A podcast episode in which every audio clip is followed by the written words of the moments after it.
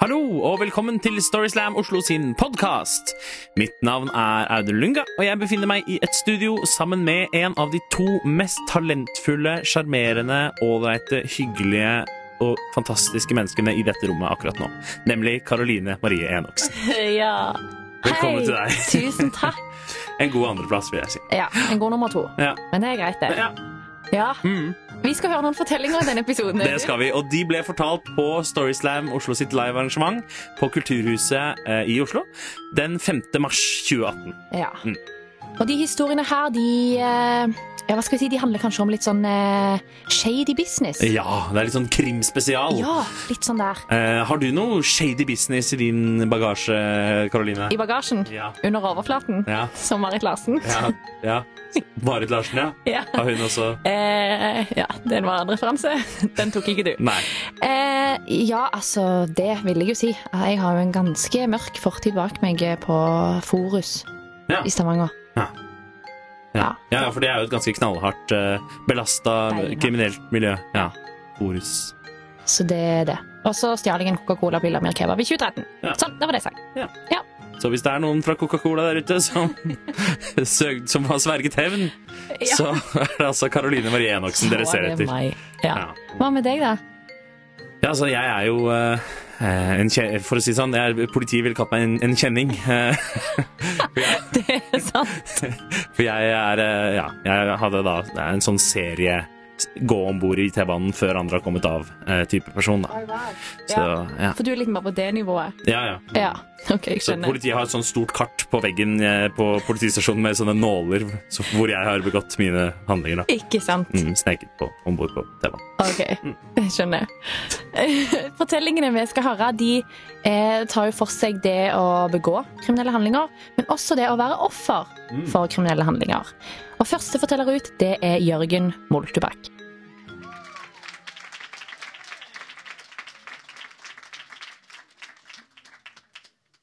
Jeg eh, sto eh, på et gatehjørne i, eh, i Aten, ved Syntagma-området.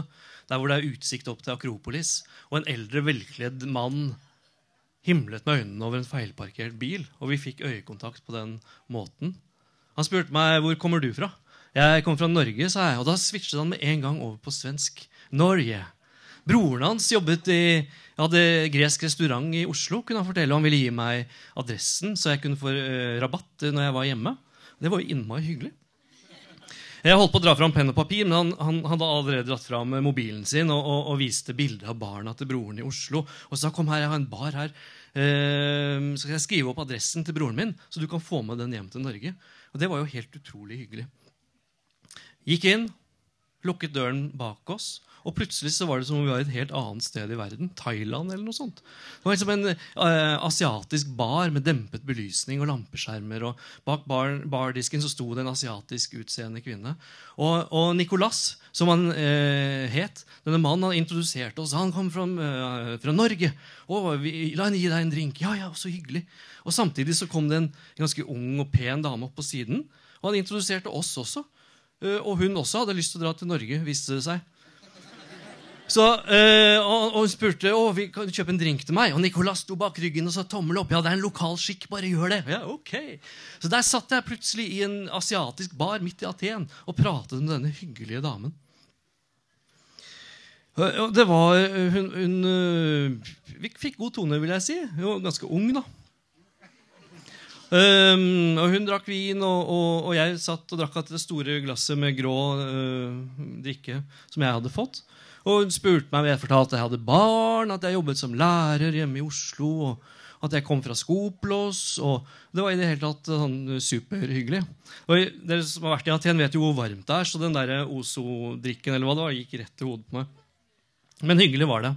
Og så plutselig legger hun hånden på låret mitt, sitter litt nærmere og sier skal vi ikke sette oss litt lenger inn i lokalet. Oh shit. Det var ikke akkurat det jeg så for meg. Eh, Og jeg begynner å lure på hva i verden er dette slags sted. Jeg ser speilbildet av meg og denne unge damen. Hvor ung er hun egentlig? Et svært halvlitersglass med Ozo og et rødvinsglass. Um, hvem er hun? Jeg er ikke Ok, jeg er så interessert. Er dette et bordell, liksom? Er det prostitusjon? Er du et offer for menneskehandel? Hva er det som skjer? Så jeg spør henne «Øh, jobber du her. Hun gnir meg på låret igjen og sier «Øh, ja, det gjør jeg. Skal vi sette oss litt lenger inn i lokalet? Og det bildet jeg ser i speilet, er ikke noe jeg har lyst til å se. En middelaldrende norsk mann med en litt for ung dame med litt glass her og der. Og jeg tenker «Øh, her må jeg komme meg ut. Så jeg sier jeg må gå nå, jeg. Og så sier de OK. Hun skyver regningen over bardisken. 250 euro, 2500 kroner. Og et drikkekart hvor det står at min Ozo har kostet da 30 euro, og disse eksklusive vinglassene jeg åpenbart har spandert, koster 110 euro hver. Og jeg blir sint, jeg blir redd, jeg blir alt mulig på en gang. Og jeg sier 'what?' Inni meg, i hvert fall. Eh, jeg eh, tenker at dette her eh, går jo ikke an. Jeg kan jo ikke finne meg i dette. Eh, så jeg sier, begynner å krangle da, og sier jeg, jeg må snakke med sjefen. Og Da kommer Nicolas tilbake, han som skulle gi meg adresse. Han har jeg ikke sett på lenge. Eh, og så begynner de å, å, å diskutere. Og jeg tenker liksom, Er dette her hun unge jenta? Hvor ung er hun egentlig? liksom? Er dette sånn offer for menneskehandel? Tenk om de har bilde bak speilet, og at dette her kan tas bilde av meg. Er jeg den nye Bård Hoksrud på tur, liksom? Er jeg liksom Ehm, og, og jeg blir mer og mer paranoid. Jeg tenker jeg har sittet og drukket noe jeg ikke vet hva er, og satt igjen fingermerker og DNA-spor på glasset. Og jeg ser egentlig at, at jeg har gjort en kjempetabbe. Og stemningen har snudd fullstendig fra disse hyggelige menneskene jeg har møtt. Er nå bare nedlatende, og de ser på meg som liksom, Og hun dama i baren bare 'Jeg 'Vil du ikke spandere på dama di?' liksom. 'Hva slags mann er du?' Uh, jeg ehm, tar, har masse penger i venstre lomme, og så har jeg noen få penger i høyre lomme. Så jeg tar opp de få pengene jeg har. Sett i sammenhengen så er det ganske lite. Det er sånn 300 norske kroner. Og så sier de ok, du kan få betale bare for din egen drink. da. Så legger jeg det på baren, og så går jeg ut. Og fremdeles så kverner tankene og angsten om hva dette er jeg har rotet meg inn i. Eh, Jeg sender en melding til broren min, som er journalist, og sier jeg er i trøbbel i Aten. Jeg har rotet meg inn i noe jeg ikke vet hva er. Og han sier, kommer raskt svar tilbake. Jeg eh, ringer deg så snart det roer seg litt på jobb. Og Jeg går gjennom Aten. Ozon dundrer i panna. Det er 40 grader. Eh, Og jeg ser for meg som forsiden i VG og Dagbladet. Sånn der eh, norsk lærer i human trafficking-skandale. Familiefar tatt med mindreårige, prostituerte. Og Jeg kommer tilbake til hotellet, og jeg er så paranoid at jeg er sikker på at hun resepsjonisten som gir meg nøkkelen, er en del av denne store konspirasjonen. Jeg kommer meg opp på rommet og slår på viften og får litt kald luft i, i, i fjeset. Uh, og har utsikten opp til um, Akropolis der. Uh, og, og det roer seg litt. Grann. Så jeg skrur opp, tar på PC-en min. Det er ikke kommet noen sånn utpressingsmail ennå. I hvert fall med et photoshoppet bilde av meg og en dame, så jeg puster litt lettet ut. Og Så skriver jeg inn på Google 'Scam Athens'. Jeg må finne ut av dette her.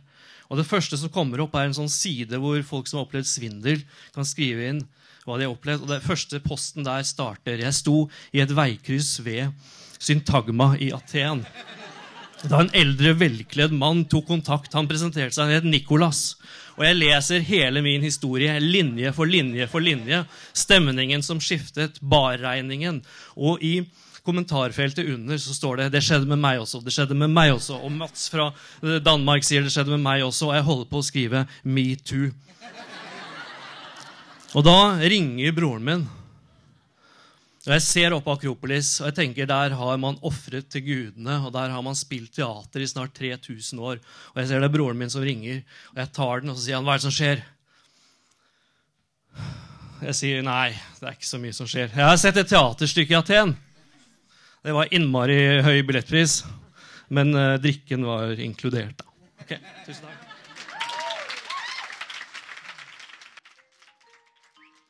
Tusen takk til Jørgen. Og neste forteller, det er Liv Sørli. Ja. Og den fortellingen, da blir vi med på den prosessen med å bevege seg litt sånn ut på skråplanet. Og være nær og krysse en avgjørende grense. Og ikke minst det å møte seg sjøl i døra.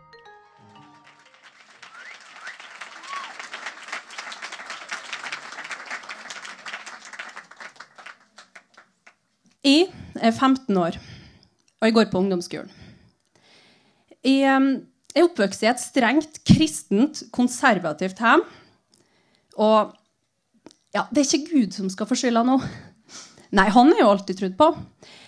Men det foreldrene mine er sint på. Fordi de alltid nekta meg å fare ut på livet, og heller tvinga med meg på bedehuset og i kirka. Og de gjorde nok sikkert bare sitt beste. Men jeg er nå tenåring, folkens. Og jeg er drita lei av å ikke få løp til det som alle andre får løp til. Nå er det nok.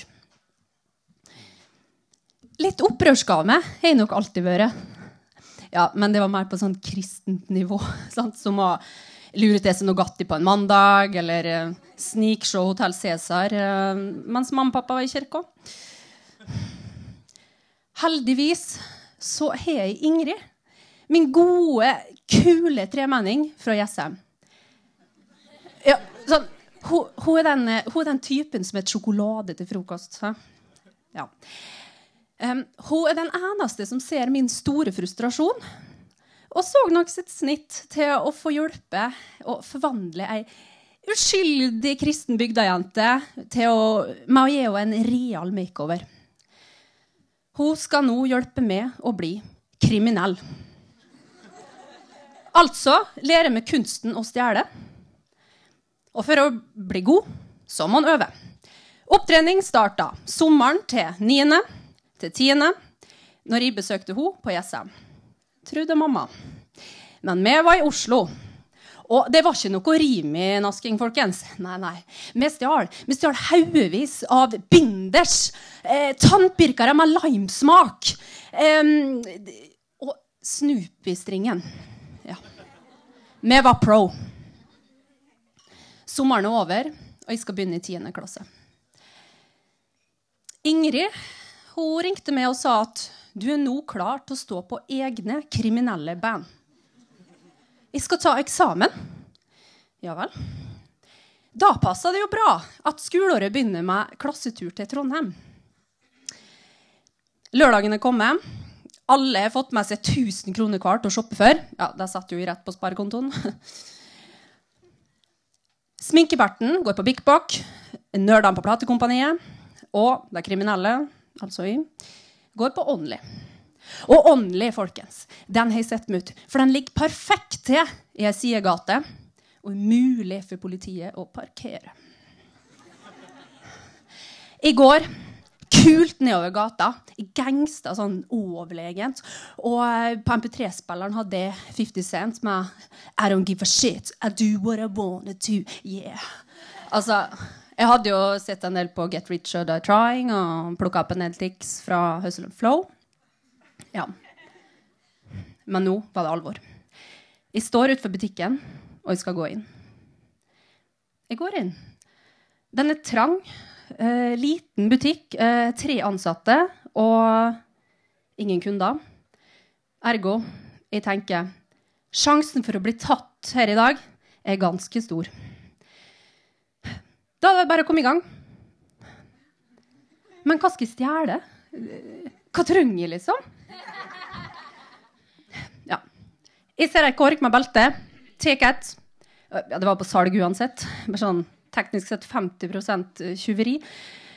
Jeg går til prøverommet, rutinert, men så kommer jeg på at jeg kan ikke gå ut derifra tomhendt. Så jeg røsker med den første skjorta jeg ser, går inn i prøverommet, um, sjekker at beltet ikke har alarm, legger det i veska. Ser at de har tatt med meg et rosa belte. Jeg hater rosa. Ja, ja. Skjorta orker ikke prøve engang. Jeg går ut av prøverommet, legger den fra meg, sier til butikkdama sånn høflig Du, den passer ikke lell, den. Så går kursen ut av butikken. Idet jeg nærmer meg døra, så kjenner jeg at mine kriminelle band begynner å bli kalde. Og liksom, jeg kan jo ikke Jeg kan jo ikke skuffe Ingrid nå, liksom! Og fæge ut. Ja. Og jeg minner meg sjøl på hvorfor var det egentlig kom hit. Jo, det var for å hevn på mamma og pappa. Og det er kun Pingle som stoppa på gult lys. I går. Der hører jeg lyden av alarmen. Oh, fuck my life! jeg får panikk, og skjønner jo at jeg er jo ikke så rutta likevel. Og jeg, jeg har jo ikke sjekka at det beltet hadde alarm. Det går bilder rundt i hodet mitt med at de er i fengsel, at de er blitt gategangster, og bare Åh! Panikk. Men så våkna et instinkt i meg som jeg ikke visste at jeg hadde engang. Jeg ser ei korg, Røsker til meg et grønt skjerf, strekker meg så lang jeg er, og roper Vopsi, det var bare dette. Butikkdamen ser på meg, og så smiler hun likegyldig til meg og svarer Ja, det er greit. Det er greit? Hæ? Jeg står på trappa, og nå skjønner jeg at oppdraget er gjennomført. Jeg klarte det! Men hvorfor er jeg ikke mer glad da? Jeg har fått et mirakel i fanget, liksom. Det er nå jeg skjønner at det mirakelet, det er noe annet. Fordi jeg er jo ikke noe hardbarska kriminell fra Hustle and Flow, jeg. Nei, jeg er jo Liv. Bygdajenta fra Mondalen. Og bygdajenta fra Mondalen, hun Liv, hun er ingen kriminell. Jeg snur, går inn igjen, legger beltet forsiktig på plassen sin.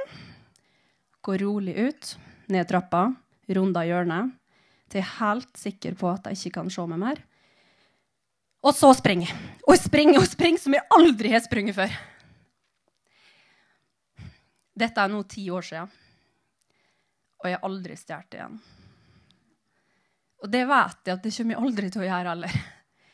Fordi Altså, jeg har nå skjønt da at altså, det kriminelle barnet det kommer alltid til å bo i meg. Men, men liksom, jeg kan jo få adrenalin på sunnere måter. Ja, som å stå her i kveld, eksempel. Ja. Takk for meg.